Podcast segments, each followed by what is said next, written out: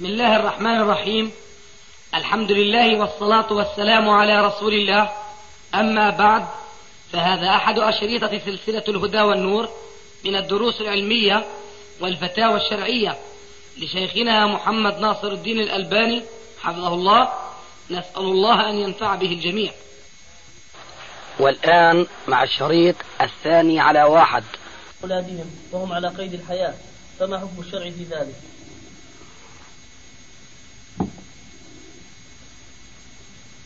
إذا كان المقصود بالتوجيه هو الهبة والعطية فهذا له حكمه. وإذا كان المقصود به تقسيم الإرث قبل حلول وقته فهذا له حكم آخر. ثم لكل من الحكمين قسمة تخالف القسمة قسمة الحكم الآخر. إذا كان الوالد يريد إذا قسم أمواله أن يهب ما عنده من مال لأولاده فهنا يأتي قوله عليه السلام اعدلوا بين أولادكم. فيجب أن يسوي ها هنا بين الذكر والأنثى. أما إذا كان المقصود هو قسمة الإرث فهذا سابق لأوانه أولا ثم هو قد يوجد النزاع والخلاف بين الأولاد بسبب تعجيل تنفيذ الحكم وهذا الحكم الذي ما جاء وقته بعد لأن الإرث إنما يتحقق بوفاة المورث هذا. السؤال الذي قبل هذا السؤال توضيح. هل زيارة الرسول صلى الله عليه وسلم المقبرة ليلا؟ خاصة به عليه الصلاة والسلام؟ لا ليس خاصة إذا قال الحاكم في مستدركه هذا حديث على شرط البخاري ولم يخرجه وقرره الذهبي على ذلك أو قال الذهبي عن الحديث أنه صحيح. فهل يعتمد على مثل هذا الحديث حينئذ؟ وهل يحتج به كما يحتج بأي حديث في الصحيحين؟ هنا الجواب يختلف بالنسبة لعامة الناس وبالنسبة لبعض خواصة الناس وهذا البعض أعني به علماء الحديث. فبالنسبة لعامة الناس واجبهم كما بدأنا بكلمة هذه الجلسة أن يسألوا أهل العلم. وبلا شك أن الحاكم هو من أهل العلم بالحديث تصحيحا وتضعيفا لا سيما قسناه بمن لا علم عنده. لا أعني العامة بل خاصة آخر الزمان الذين لا يدرسون علم الحديث. وهو من الواجب أن يرجعوا إليه وأن ينظروا ما موقفه من الحديث. إن كان صححه فيتبعونه. إلا إذا تبين خطأ الحاكم بحكم غيره ممن هو أعلم بعلم الحديث منه. فبالأولى والأحرى إذا كان الحاكم صحح حديثا ووافقه الذهبي عليه فعلى عامة المسلمين أن يتبعوا ذلك. إلا إذا تبين لهم بنقل عن عالم أن الحاكم وهم والذهبي أيضا تبعه في وهمه فحينئذ يرجع عن اتباعه أو اتباعهما اتباع الصواب الذي تبين له من غيرهما. أما خاصة علماء الحديث فهم بما أوتوا من علم بتراجم رواة الأحاديث أولا. وما أوتوا من علم بمصطلح الحديث ثانيا فهؤلاء لا يجب عليهم أن يتبعوا الحاكم حتى ولا الذهبي لأنه يتبين لهم في كثير من الأحيان أنه وقع في تصحيحهما كثير من الوهم والخطأ. باختصار فكما يجب على عامة المسلمين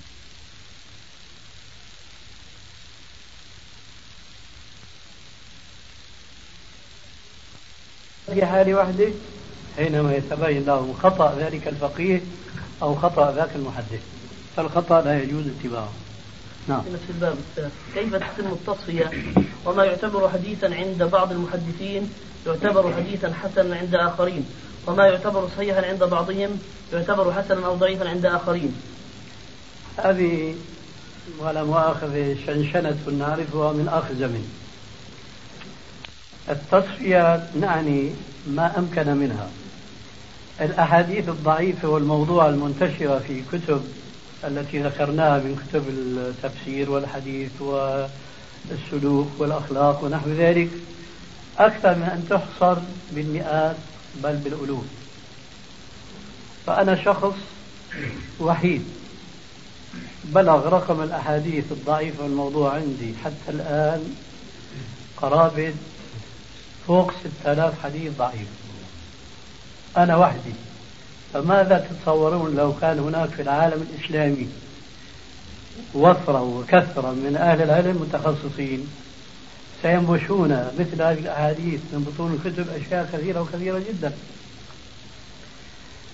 فلماذا نأتي إلى بعض الأحاديث التي يختلف فيها بعض علماء الحديث كما يقول البعض أن هناك أحكام فقهية كمان اختلفوا فيها بعض العلماء. فنحن نقول هناك مسائل ثبت عند الباحثين في الفقه أنها خطأ مخالف الكتاب والسنة فيجب تصفيتها وإزالتها من طريق الفقهاء. كذلك هناك أحاديث متفق على ضعفها بل وعلى وضعها فيجب إزالتها من بطون الكتب ومن أذهان طلاب العلم وكذلك العلماء. تبقى هناك ولا شك بعض المسائل الفقهية وبعض الأحاديث هي موضع خلاف. فكونه يبقى شيء من ذلك ما يأتي مثل هذا السؤال لأنه نحن لا نعتقد خلافا لما يشيع عنا بعض المغرضين أو الجاهلين أنه نحن نريد أن نوحد المذاهب كلها. ونجعل المذاهب الأربعة مذهبا واحدا. نحن ما أقول نحن من أعلم الناس نحن أعلم الناس أن هذا مستحيل. مستحيل جمع الناس على مذهب واحد. مستحيل جمع الناس على فكر واحد. لكن ليس مستحيلا تقريب بين الناس خاصة أهل السنة والجماعة. ممكن التقريب وهذا واقع ومشاهد. الذين يدرسون الفقه الذي يسمى اليوم بالفقه المقارن وإن كانت هذه الدراسة في الجامعات لا تزال سطحية لأن الدكتور المتخصص في الشريعة وفي الفقه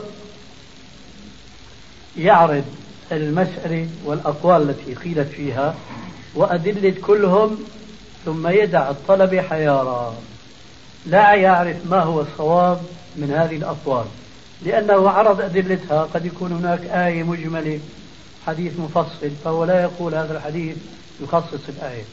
قد يكون مذهب يستدل بحديث صحيح وآخر حديث ضعيف لا يعرج على تمييز الصحيح من الضعيف وهكذا.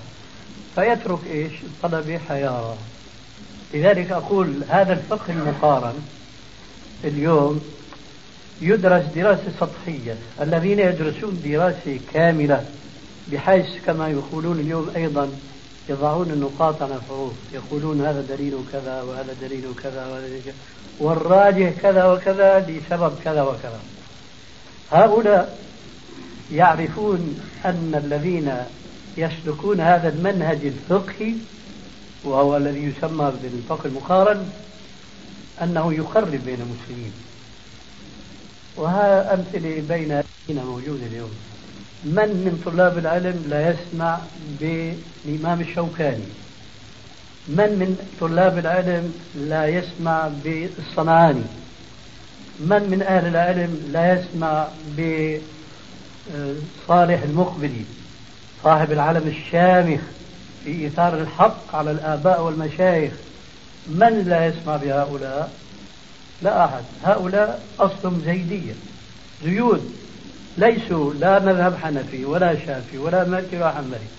يعني بتعبير هؤلاء المذاهب الأربعة أولئك الزيود ليسوا من أهل السنة والجماعة لكنهم لما سلكوا هذا السبيل الذي ندعو المسلمين جميعا أن يسلكوه حتى يتقاربوا ويتواددوا ولا يتباعدوا ولا يتباغضوا فحينئذ يتحقق فيه ما تحقق فيه هؤلاء الأئمة الذين ذكرناهم.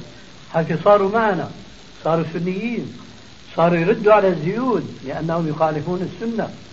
فإذا هذا المنهج يوفق ولا يفرق. أما أن يبقى كل إنسان على مذهبه فهو الذي يفرق ولا يوحد. نعم. هل يجوز أن أعتمر مرتين في سفرة واحدة وأنا من الأردن فالمرة الأولى من ديار علي والمرة الثانية من التنعيم من عائشة رضي الله عنها. إن كانت لا تجوز فهل يجوز عن والدي مثلا المتوفى أو والدتي؟ جزاكم الله خيرا. الذي يريد أن يعيد العمرة آه، ينبغي أن يعود إلى الميقات الذي أحرم منه. وسواء ذلك عن نفسه أو عن أبويه. أما أن يحرم من التنعيم حيث أحرمت منه السيدة عائشة فهذا حكم خاص بعائشة ومن يكون مثلها. وأنا أعبر عن هذه العمرة من التنعيم لأنها عمرة الحائض.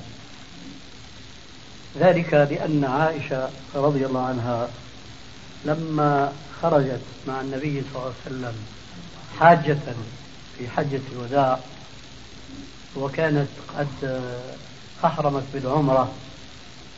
فلما وصلت إلى مكان قريب من مكة يعرف بسرف دخل عليها الرسول عليه السلام فوجدها تبكي. قال لها ما لك تبكين؟ أنفستي قالت نعم يا رسول الله. قال عليه السلام هذا أمر كتبه الله على بنات آدم. فاصنعي ما يصنع الحاج غير ألا تطوفي ولا تصلي. فما طافت ولا صلت حتى طهرت في عرفات. ثم تابعت مناسك الحج وأدت الحج بكامله لما عزم الرسول عليه السلام على السفر والرجوع إلى المدينة دخل عليها في خيمتها فوجدها أيضا تبكي. قال ما لك؟ قالت ما لي. يرجع الناس بحج وعمرة وأرجع بحج دون عمرة. ذلك لأنه بسبب حيضها انقلبت عمرتها إلى حج حج مفرد. هنا. فهي الآن تقول تبكي حسرة على ما فاتها من العمرة بين يدي الحج بينما ضراتها مثل أم سلمة وغيرها رجعوا بعمرة وحج ولذلك هي تبكي. تقول ما لي لا أبكي الناس يرجعون بحج وعمرة وأنا أرجع بحج. فأشفق الرسول عليه السلام عليها وأمر أخاها عبد الرحمن بن الصديق أن يردفها خلفه على الناقة وأن يخرج بها إلى التنعيم ففعل ورجعت واعتمرت فطابت نفسها. فلذلك نحن نقول من أصابها مثل ما أصابها من النساء حيث حاضت وهي معتمرة ولا تستطيع أن تكمل العمرة فينقلب عمرتها إلى حج فتعوض ما فاتها بنفس الأسلوب الذي شرعه الله على لسان رسوله لعائشة فتخرج هذه الحائض الأخرى إلى التنعيم وتأتي بالعمرة أما الرجال فهم الحمد لله لا يحيضون فما لهم ولحكم الحائض؟ والدليل أنه كما يقول بعض العلماء بالسيرة وفي أحوال الصحابة حج مع الرسول مئة ألف من الصحابة. ما أحد منهم جاء بعمرة كعمرة عائشة رضي الله عنها. فلو كان ذلك خيرا لسبقونا إليه. لذلك فالذي يريد أن يعتمر يرجع إلى الميقات ويحرم من هناك سواء عن نفسه أو أمه وأبيه. وبهذا القدر كفاية والحمد لله رب العالمين. الساعة 11 وأنت عارف. أنا شاهد وأنا عارف. أيضا. يعني من الرجال 10 دقائق بس ورقة الفيد وفي إلى الساعة 10 طيب. شو رأيك إذا أنت سنن سنة لغيرك؟ ما أدري هي حسنة ولا سيئة. لا إن شاء الله بس هذا ما يقبل واحد غيره شو عرفك؟ أنا يعني أنا بدخل معهد مع شو عرفك يا أخي؟ يا ما بدخل يعني خلاص بقرة يعني منتشر الآن في البلد. فانا طيب سجل. 10 دقائق هي اذا ما حكم عقد البيع المبني على الوعد الملزم للشراء؟ عقد البيع. المبني على الوعد الملزم للشراء. يعني ما وقع بيع بس هو وعد. يشتري ليبيعه. وعد. فقط. نعم وعد أن يشتري. فهو يشتري له. ما دام ما صار البيع أخي فهذا الوعد لا يلزم المتبايعين بالبيع. لكن الوفاء بالوعد هذا من حيث السلوك الخلقي واجب الوفاء. به لكن من حيث القضاء والحكم الشرعي فهو غير ملزم. واضح الجواب؟ نعم. خلاص السؤال إن شاء الله. رجل أودع مالا لدى البنك الإسلامي فاستعملها في التجارة بدون إذن صاحبها ولم يعطيه من ربحها شيئا. فهل يجوز له ذلك؟ يعني البنك يجوز له ذلك؟ نعم. ليس كذلك؟ نعم. هو أودعه إيه أمانة؟ أمانة. أي نعم. إيه. فجاء البنك واستعمله. نعم. بدون إذن من صاحبه. نعم. طبعا هذا لا يجوز. وعلى, وعلى الأقل يجب أن يشاركه في الربح. وأن لا يشاركه في الخسارة إن خسر. لأنه إن خسر فلأنه تصرف بدون إذنه. فقد يقول قائل فلما إذا ينبغي أن يشاركه في الربح؟ لأن أمامنا حديث آه، ثلاثة في الغار وكلكم يعرف ذلك. وباعتبار أن الوقت محدود جدا طب خليه على حسابكم مش على حسابي. لكن بذكركم في طرف الحديث اللي هو موضع الشاهد أن ذاك الرجل الذي عمل عند ذلك الغني على أجر سماه وهو فرق من أرز. قال الرسول عليه السلام فلما قضى عمله عرض عليه فرقه فرغب عنه. فرق يعني أفقي أو كيل معروف. قال ثم جاءه يعني بعد سنين. قال يا عبد الله اتق الله وأعطني حقي. قال انظر إلى تلك البقر والغنم اذهب وخذها. قال يا عبد الله اتق الله. ولا تهزأ بي. إنما لي عندك فرق من أرز قال اذهب وخذها فإنما تلك البقر من ذاك الفرق. الله فلازم البنك الإسلامي باعتباره بنك إسلامي يتخلق بهذا الخلق هذا. ما حكم المفتاحية؟ مخلوق يعني ها؟ ما حكم المفتاحية مفتاحية التي يشترطها صاحب الملك عند تأجير مخازنه كأن يقول هذا المخزن مفتاحيته 5000 دينار وأجرته الشهرية 40 دينار. يعني يعني اسم جديد يعني الخلو خلو الرجل بخلو. عندنا بالشام يسموها ثروية هلا لأول مرة بسمع مفتاحية نفسه. نعم. اسمي يسمونها يسمونها بغير اسمها. سبحان الله مهما حاولوا يستروا الحق الحق واضح أبلج والباطل واضح آه، إيش بيقولوا؟ لجلج. مفتاحية. لما بيستأجر إنسان مكان بمفتاح ولا بدون مفتاح؟ طبعا مفتاح.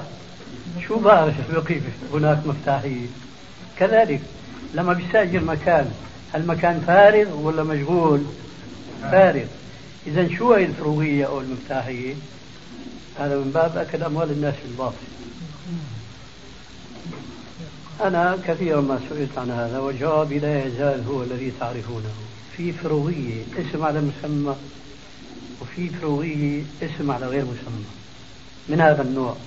أما النوع الأول فهو الرجل يكون في دكان في عقار في دار هو شاغله متمتع فيه. يأتي إنسان يعرض عليه ممكن تفرغ لي هالمكان هذا وأعطيك شيء حتى ترضى. فيتفقان على شيء فبيفرغ له العقار. هاي فروضية فعلا اسم على مسمى. خلال مدة العقد. أنا مدة العقد ولا؟ أنا مدة العقد. أي عقد ثاني. العقد اللي يكون متفق معه. يعني خلال مثلا متفق معه خمس سنوات أو سنة. خلال السنة ممكن إذا كان خارج السنة أو الثلاث سنوات يعتبر مش هو. مش فاهم أنا عليه. خليني أضرب لك مثال أنا في دكان أعمل فيها. تأتي أنت وتقول تفرغ لي الدكان أنا بحاجة إليها. بقول لك أنا الدكان متسبب فيها أكسب رزقي وقوت عيالي إلى آخره. تقول لي نعم أنا أعرف هذا لذلك أعطيك شيء حتى ترضى. فنتفق. أفرغ لك هذا المكان إلى سنه سنتين إلى آخره. فروغيه والأجر السنوي كذلك يسمى. كما يتفق على الاجور يتفق عادة إلى سنة سنتين ثلاثة أربعة إلى آخره. هذا أقول الفروغية التي آخذها مقابل تفريغي لهذه الدكان لك. يجوز أن آخذها فضلا عن الأجرة هذه السنوية أو الشهرية. إلى هنا شو يريد كلامك؟ خلال مدة العقد الفروضية أنت أنت الآن تستغل هذه الدكان، الدكان انت ماخذها خلال عام، اذا أنا خلال عام قلت لك إذا ممكن تشتري هذه الدكان بدفع لك فروضية أو انت انهيت العقد ومثال تطلع انت، هذا الفرق بين ما فهمت عليك. أنا عم أقول الصورة الصورة اللي عرضت لك إياها. صورة الصورة اللي عرضت لك إياها. يرد عليها كلامك الأول اللي أنا ما فهمته. أيوه. يرد. آه، باستئجار مبهم المدة اللي انت مستاجر فيها كصاحب الدكان يعني كمستأجر مبهم مدة العقد الإيجار. شو مبهم؟ ما لك أنا إلى سنة أو سنتين يسمي يسمي المدة. تفضل. إذا سميت المدة جائز. قلت هذا يا أخي. عفوا. السؤال الأخير. طيب. السؤال الأخير لعبد الرحيم. في البنك الإسلامي توزع الأرباح بين البنك وبين العميل. سجل عليه. وتخصص وتخصص نسبة ثالثة احتياطي مخاطر استثمار. عيد عيد. في البنك الإسلامي توزع الأرباح بين البنك وبين العميل. وتخصص نسبة ثالثة احتياطي مخاطر استثمار. فإذا سحب العميل أمواله لا يعطى شيئا من النسبة التي خصصت للاحتياطي الاستثمار. فما حكم ذلك وما الدليل على ذلك؟ ما أرى هذا يجوز في الإسلام لأنه من باب أيضا أكل أموال الناس في الباطل فيجب إذا سحب المال أن يسحب رأس المال والربح الذي يستحقه. ولا يجوز ادخار قسم منه لمصالحهم يعرفونها. وبهذا القدر كفاية. والحمد لله رب العالمين.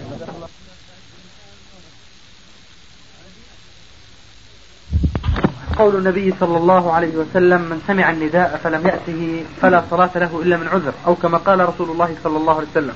فهل العبرة هنا بالسماع المباشر أم بالعلم بدخول الوقت؟ وخاصة أن السماع في هذه الأيام قد يتعدى عدة كيلومترات بسبب وجود المكبرات وما شابه ذلك. هو كما يعني تنبه السائل الأذان مذكر بدخول وقت الصلاة. فإذا كان المسلم ذكر الوقت وجب عليه الحضور سواء سمع الأذان أو لم يسمع. وليس له أن يتعلل بأنه أنا ما بحضر الصلاة في الجماعة لأني لا أسمع الأذان. هذا تعلل لا قيمة له من الناحية الشرعية لأن المقصود بالأذان الإعلام. فإذا حصل الإعلام بطريقة عفوية رجل جاء إلى الذي في منشره في معمله في مصنعه في داره قال حي على الصلاة قد أذن. ما سقط عنه الإجابة لأنه لم يسمع الأذان مباشرة. فقد علم دخول الوقت. العلم العبرة بالعلم وليس بالوسيلة وسيلة الأذان. قال الأذان إعلام لكن بألفاظ شرعية معروفة مضبوطة مروية عن الرسول عليه السلام بالأسانيد الصحيحة. نعم. السؤال الآن يقول وردت بعض الآثار أنه لا يجوز دخول مكة إلا بإحرام. فهل هي صحيحة أولا؟ وما هو حكم دخول مكة بدون إحرام؟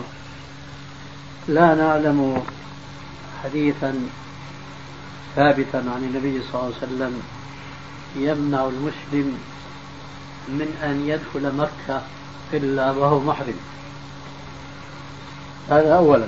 وثانيا قد ثبت أن النبي صلى الله عليه وسلم دخل مكة وعليه الخوذة الحربية هذه.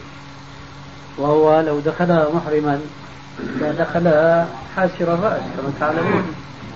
ولذلك استدل العلماء بدخول الرسول عليه السلام مكة وعليه الخوذة هذه أنه دخلها وهو حلال دخلها وهو غير محرم. ومن هنا يؤخذ الجواب عن السؤال الأخير.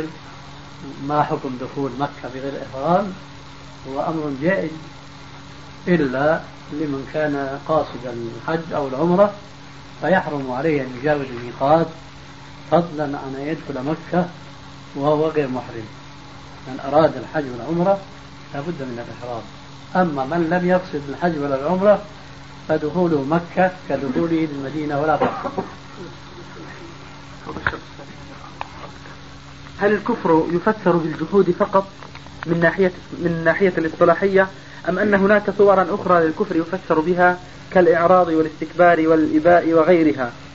نعم هذا سؤال غير وارد لأنه نحن قسمنا الكفر إلى قسمين كفر عملي وكفر اعتقادي. فإذا هذا جواب مقدم سلفا لما تقدمنا بهذا التقسيم وقلنا أن الكفر قد يكون كفرا عمليا وليس كفرا اعتقاديا.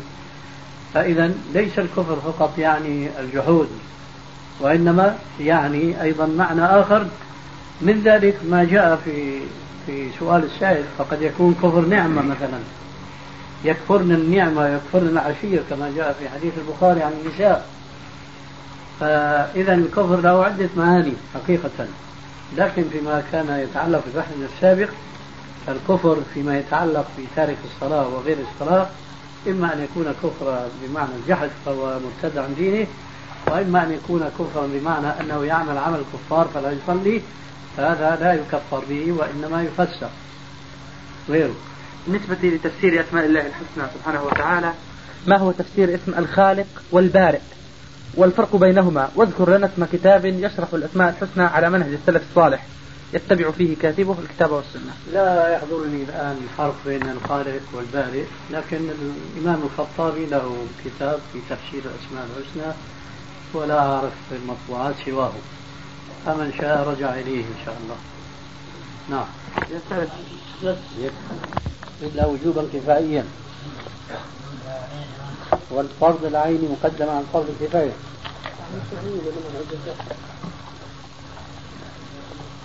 لكن طبعا لا أحد يفهم من جوابي هذا أنه واجب عليه أنه يتعلم قراءة القرآن على القراءات السبع بل العشر. لا. وإنما إذا قرأ الفاتحة يقرأها كما أنزلت على قلب محمد عليه السلام. إذا قرأ قل والله أحد إنا أعطيناك الكوثر على أقل من سور الاختصار هذه. أيضا لا بد من أن يقرأها على الوجه الصحيح عند أهل العلم في التلاوة. أما أن ينشغل عن ذلك بما ليس بفرض عين عليه فهذا كالذي يصلي في الليل والناس نيام لكن لا يؤدي الفرائض في وضح النهار. هل يجوز تنويع الذكر في ركعة أو سجدة؟ لأنه يعني تسبيحات. يعني عدة أوراد بعدة صيغ ما في مانع. هل ورد ذلك؟ لا. في نص ما في لكن ورد الإنسان يقول كذا ويقول كذا. يعني جمعها في ركعة واحدة يجوز؟ الجمع في ركعة واحدة؟ آه أن يجمعها جميعا في ركعة واحدة. سبحان ربي العظيم. يعني في سجدة واحدة. سبحان الجبروت والملكوت السؤال مسجل؟ نعم. أنا ما فهمت هكذا السؤال. هو هذا قصده لكن لعله لم يرد لأنه إصلاحتنا في قبل ما تأتي. آه حينئذ أقول الجواب لا ما هي بس. هذا الجمع إذا كان مثل صلاة القيام تراويح يجوز. وهذا أنا ذكرته في الصلاة. أما إذا كان صلاة عادية فما في داعي لذلك يسأل إذا مس رجل فرج امرأته هل ينتقض وضوءه؟ وبالعكس. إذا كان بذلك ولا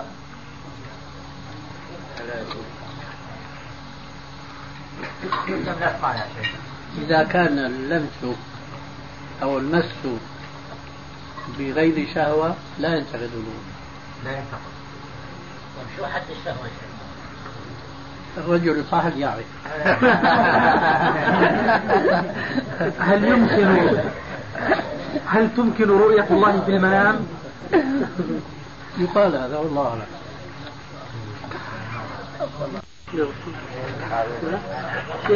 قالوا هذا والله أعلم. بالنسبة لرسول الله. الرسول راى لا قال من أضاع صلاة.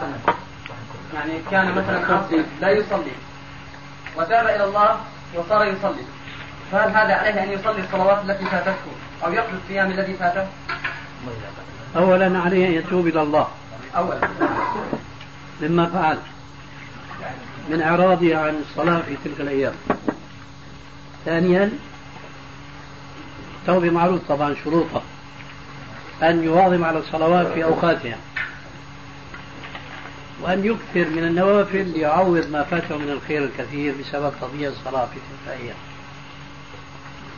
غيره شيخ بالنسبة للحديث الأول حديث حديث آه، رأي النبي, صلى الله عليه وسلم رأى ربه في المنام ما تفسيره؟ قراءته تفسيره؟ لا يفكر طيب هل يحق للطالب المسلم الذي خرج طلبا للعلم في بلاد الكفر أن يتزوج من نصرانية وفي نفسه بيان وتأك... بيات تبييت تأكيد على أن يتركها ويطلقها بعد فترة معينة ومحددة دون الاتفاق معها مسبقا على ذلك ولكن الأمر بينه وبين نفسه لما خشي على نفسه من الفتنة. أولا لا ننصح شابا أن يتزوج كتابية اليوم.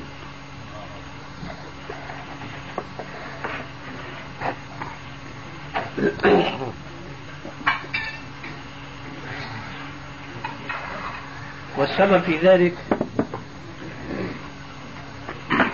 هو أن كثيرا من الشباب المسلم حينما يتزوجون بمسلمات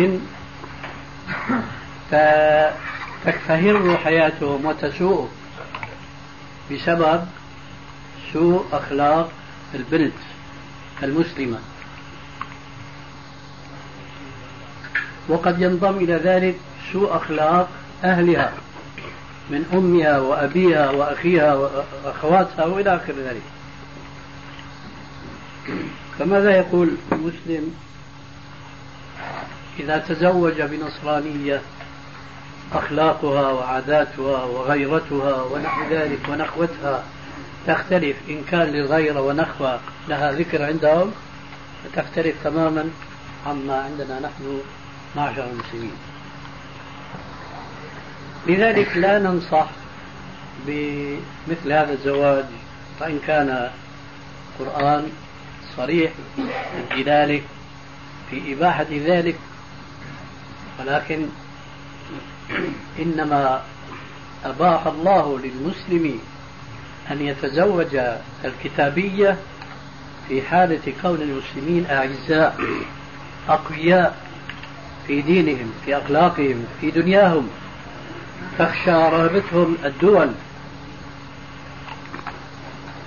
ولذلك المسألة تختلف من زمن إلى زمن. في الزمن الأول كان المسلمون يجاهدون الكفار ويستأسرون المئات منهم ويسترقونهم ويستعبدونهم فيكون استعبادهم إياهم سبب سعادتهم في دنياهم وآخرتهم. سبب سعادة المستأسرين والمسترقين والمستعبدين. يصبحون سعداء في الدنيا والآخرة. وذلك لأن أسيادهم المسلمين كانوا يعاملونهم معاملة لا معاملة لا يجدونها في بلادهم بعضهم مع بعض وهم أحرار. بسبب التعليمات التي كان الرسول عليه السلام آه، يوجهها إلى أصحابه. من ذلك قوله عليه السلام أطعموهم مما تأكلون وألبسوهم مما تلبسون. إلى آخر ما هنالك من أحاديث كثيرة لا أصادر الآن سوى هذا. وقد أشار الرسول عليه السلام إلى هذه الحقيقة التي وقعت فيما بعد في قوله في الحديث الصحيح إن ربك لا يعجب من أقوام يجرون إلى الجنة في السلاسل. إن ربك لا يعجب من أقوام أي من النصارى من الكفار يجرون إلى الإسلام الذي يؤدي بهم إلى الجنة في السلاسل. اليوم القضية معكوسة تماما. القوة والعزة للمسلمين ذهبت حيث استذلوا من أذل الناس كما هو الواقع مع الأسف الشديد. فإذا افترضنا أن شابا تزوج بنصرانية وجاء بها إلى هنا فستبقى هذه النصرانية في الغالب على دينها وعلى تبرجها وسوف لا آه، وسوف لا يجرفها التيار الإسلامي كما كان يجرف الأسرى فيطبعهم بطابع الإسلام لأن هذا المجتمع هو من حيث الاسم إسلامي لكن من حيث واقعه ليس كذلك. فالتعرض الموجود مثلا في البيوت الإسلامية اليوم إلا ما شاء الله منها. كالتعرض الموجود في أوروبا وربما يكون أفسد من ذلك. فإذا هذه الزوجة النصرانية حينما يأتي بها سوف لا تجد الجو الذي يجرها ويسحبها إلى الإسلام سحبا. نعم. أو كما قلت قد يكون العكس. هذا أولا. ثانيا إن تزوج من هؤلاء الشباب زوجة فليس هو بحاجة إلى أن ينوي تلك النية وهي أنه سيبقى مثلا في الدراسة هناك أربع سنوات. فهو ليحصن نفسه وليمنعها من أن تقع في الزنا. يتزوج نصرانية من هناك وينوي في نفسه أن يطلقها إذا ما عزم على الرجوع إلى بلده. نقول له هذه النية أولا لا تشرع لأن نكاح المتعة وإن كان صورته اشتراط اللفظ بين المتناكحين الرجل والمرأة وهذا طبعا نسخ إلى يوم القيامة حرم إلى يوم القيامة.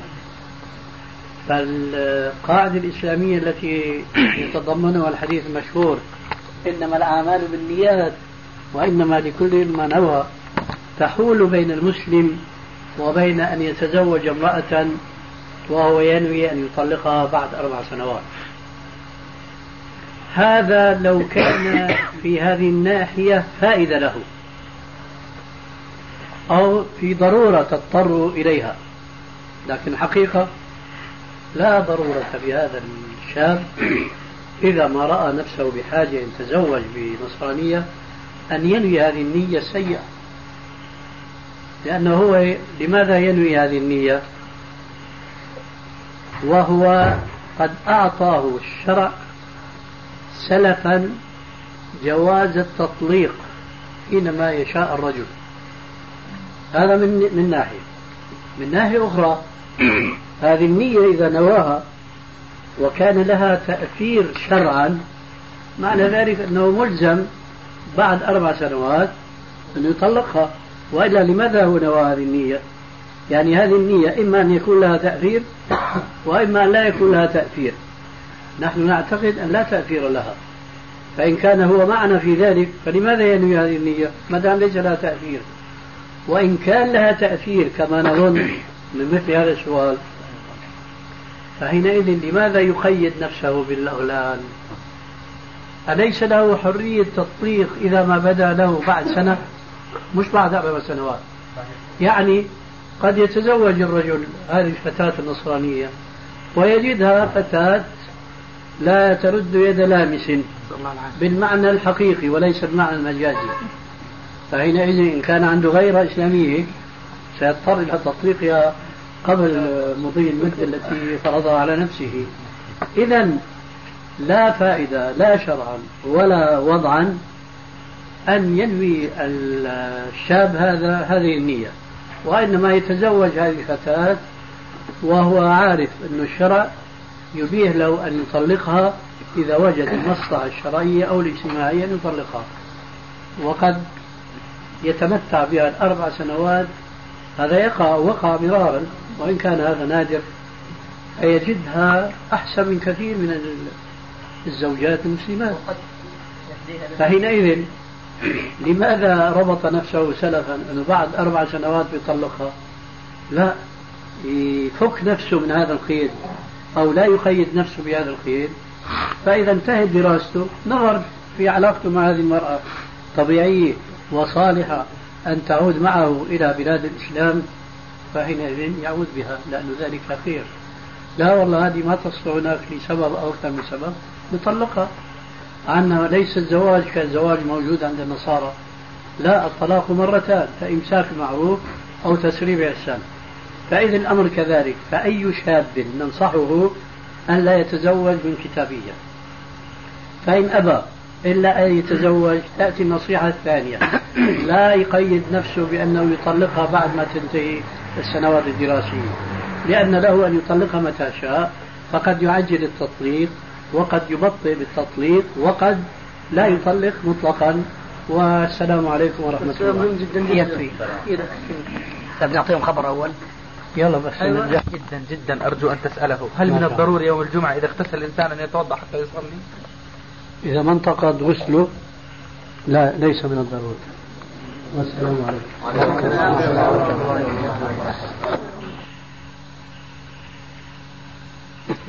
لا إله إلا الله. نعم. بالنسبة لتعليق بعض الصور مثل المسجد الأقصى مسجد الصخرة آه يعني في البيوت. بجوز هذا طبعا إذا كان مقصود من السؤال أن لها حق الصور التي لها أرواح الجواب ليس كذلك لكن إذا كان مقصود بصورة عامة فنقول أن هذا مما يكره مما يكره. بدون أرواح طبعا من يكره بدون أرواح. لأنه من باب الزينة والزخارف اللي يعني لا يحض الإسلام على استعمال هذه الأمور. بخاصة إذا كان المعلق الشيء المعلق يتضمن شيئا لا يقره الشرع. فهنا عندك نقطة مهمة جدا. بمعنى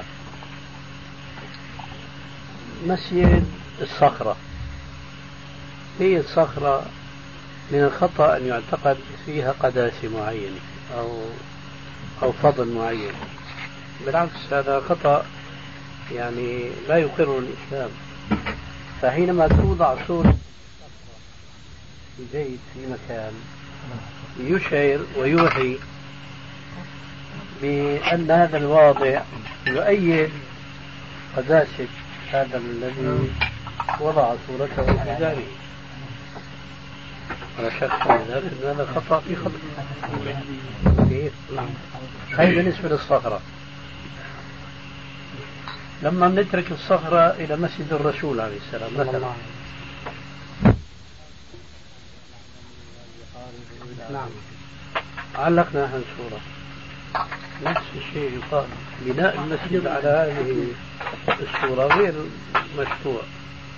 فأنت تعليقك لها يوحي أو يشعر بأنك تقر مثل هذا الأمر القائم في هذه الصورة وهكذا فينبغي الابتعاد عن هذه الصور. في شيء آخر أستاذ انه هذه الصور مثلا قبة الصخرة في طالع مع الصورة حوالي أربع خمس كنائس في نفس الصورة.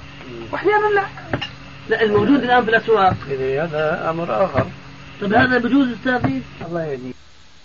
وبعد فنسأل الله سبحانه وتعالى أن يجزي الشيخ خير الجزاء وأن ينفع الجميع بما سمعوا. وإلى لقاء مع الشريط التالي. والسلام عليكم ورحمة الله وبركاته. أيها الإخوة انتهت مادة هذا الشريط. ولأنه بقي في الشريط متسع فيسرنا إكماله بهذه المادة.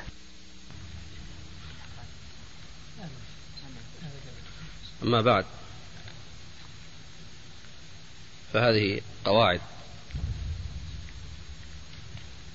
يحتاج إليها الشباب المسلم في منهاج أهل السنة والجماعة شاملة لكل ما يتعلق بطريقتهم في العقيدة والعمل. آه، نقرأها وما تيسر منها على صاحب الفضيلة الشيخ صالح الفوزان الفوزان سلمه الله. ليعلق عليها القاعدة الأولى أن الدين مبني على أصلين عظيمين. الأول الإخلاص لقوله تعالى ومن أحسن دينا ممن أسلم وجهه لله وهو محسن وقوله وما أمروا إلا ليعبدوا الله مخلصين له الدين حنفاء وقوله قل إني أمرت أن أعبد الله مخلصا له الدين ولقوله صلى الله عليه وآله وسلم إنما الأعمال بالنيات رواه البخاري ومسلم. الثاني متابعة النبي. الأول. بسم الله الرحمن الرحيم. الحمد لله رب العالمين. صلى الله وسلم على نبينا محمد وعلى آله وصحبه. وبعد. فإن الخلاف موجود بين الناس من قديم.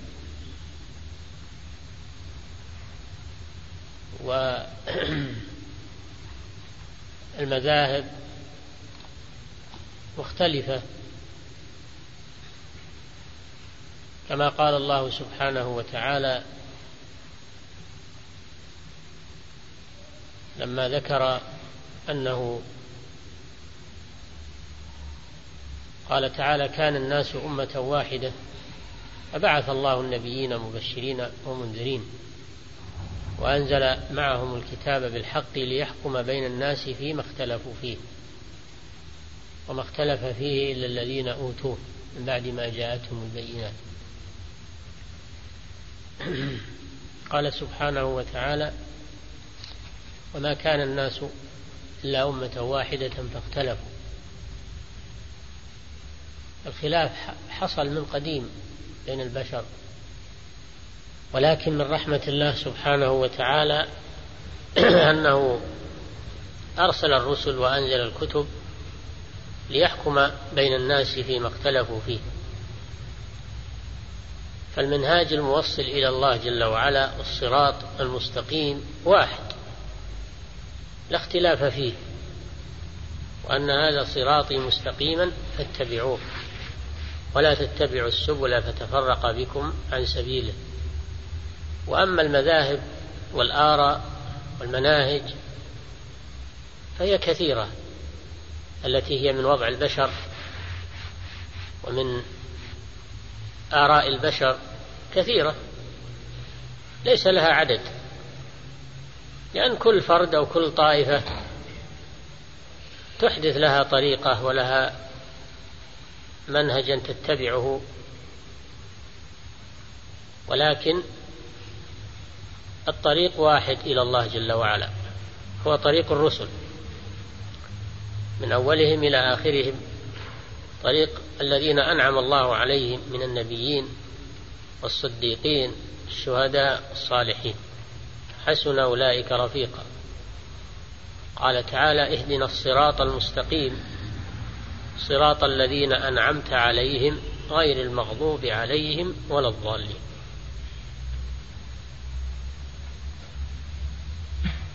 وهذا وهذا الطريق وهذا الصراط يحتاج إلى بيان وتوضيح للناس لئلا تلتبس عليهم الطرق والمناهج والمذاهب والأقوال والآراء. فلا بد من بيان الطريق الصحيح والمنهاج المستقيم حتى يسير عليه من أراد الله له الهداية. الناس في كل زمان بحاجة إلى بيان هذا الطريق الموصل إلى الله جل وعلا. وهذا الطريق أو هذا المنهاج الرباني أصله وقاعدته أمران الإخلاص لله والمتابعة للرسول صلى الله عليه وسلم. فمن اتصف بهاتين الصفتين بأن كان مخلصا لله في عبادته وأقواله وأفعاله ونياته ومقاصده وكان متبعا للرسول صلى الله عليه وسلم في سلوكه ومنهجه و وعبادته فقد سار على هذا الصراط المستقيم. يدل على هذا آيات وأحاديث. من الآيات قوله تعالى بلى من أسلم وجهه لله وهو محسن. فله أجره عند ربه ولا خوف عليهم ولا هم يحزنون. فقوله تعالى بلى هذا رد على اليهود والنصارى الذين قالوا لن يدخل الجنة إلا من كان هودا أو نصارى. نفوا نفوا أن يدخل الجنة إلا من كان يهوديا أو نصرانيا. فرد الله عليهم بقوله بلى. أي هذا رد لحصرهم ونفيهم. يدخلها من أسلم وجهه لله وهو محسن. هذا هو الذي يدخل الجنة. أما من كان على غير ذلك فإنه لا يدخل الجنة. وإن ادعى أنه يدخله. أو ادعى أنه, أنه لا يدخلها إلا هو. أسلم وجهه يعني أخلص لله. والوجه المراد به هنا الإخلاص. الإخلاص لله عز وجل. ومعنى وجهه قصده ونيته. أخلص وجهه أي أخلص قصده ونيته وتوجهه واتجاهه إلى الله. هذا الشرط الأول. الشرط الثاني وهو محسن أي متبع للنبي صلى الله عليه وسلم.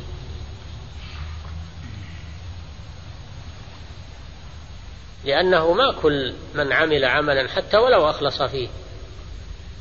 ما لم يكن موافقا لسنة النبي صلى الله عليه وسلم فإنه لا يقبل عند الله سبحانه وتعالى. بل لا بد أن يكون متبعا للنبي صلى الله عليه وسلم في ذلك. وما أمروا إلا ليعبدوا الله مخلصين له الدين. هذا أيضا فيه الشرطان. فقوله وما أمروا إلا ليعبدوا الله. هذا دليل على أن الدين بالأمر والشرع لا بالرأي و لا بالرأي الذي يحدثه الناس أو يختارونه من أنفسهم بل الدين بالأمر وهو أمر الله سبحانه وتعالى وأمر رسوله صلى الله عليه وسلم.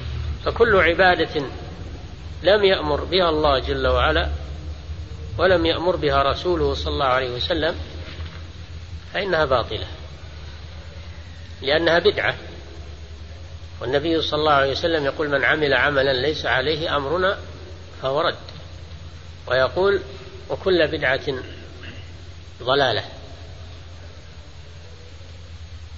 مخلصين له الدين هذا الشرط الثاني وهو الإخلاص. بأن لا يكون في نيته وقصده واتجاهه أحد غير الله سبحانه وتعالى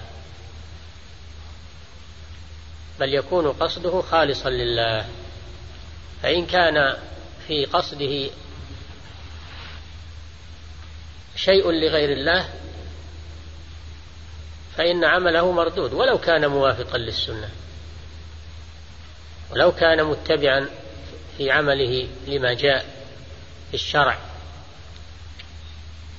فلو صلى الصلاة لا شك أنها من صميم الدين لكن لو صلى وهو يريد الرياء والسمعة أو تصدق وهو يريد المدح والثناء من الناس أو قاتل ليمدح بالشجاعة هذه أمور مشروعة وجاءت بها الشريعة لكن لما كان قصده فيه شرك لغير الله عز وجل كان عمله باطلا وكان من أهل النار. فلا بد أن هذه القاعدة الأولى التي يجب السير عليها وهي الإخلاص لله عز وجل والمتابعة للرسول صلى الله عليه وسلم. والنبي صلى الله عليه وسلم يقول إنما الأعمال بالنيات وإنما لكل امرئ ما نوى. فالعبرة ليست بصورة العمل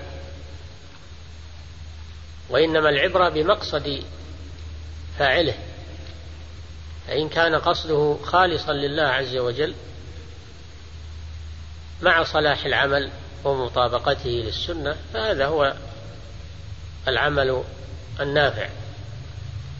أما من كان له قصد غير الله سبحانه وتعالى فإن عمله لا يكون صالحا ولا مقبولا.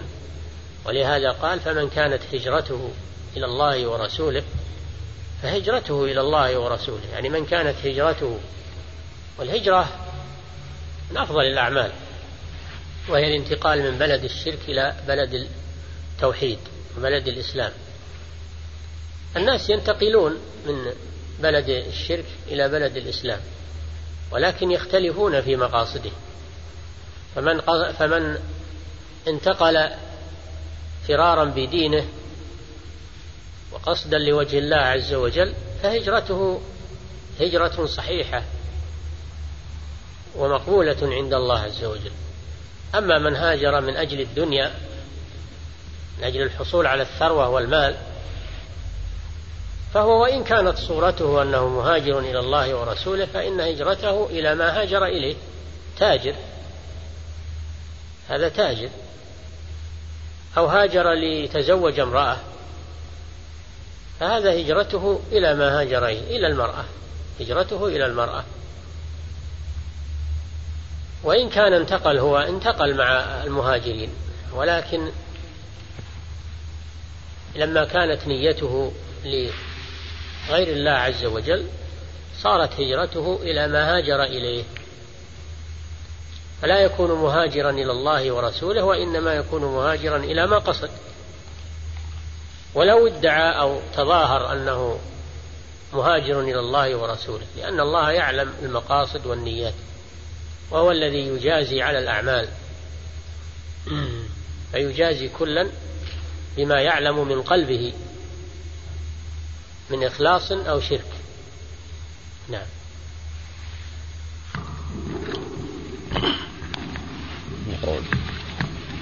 تمام القاعدة.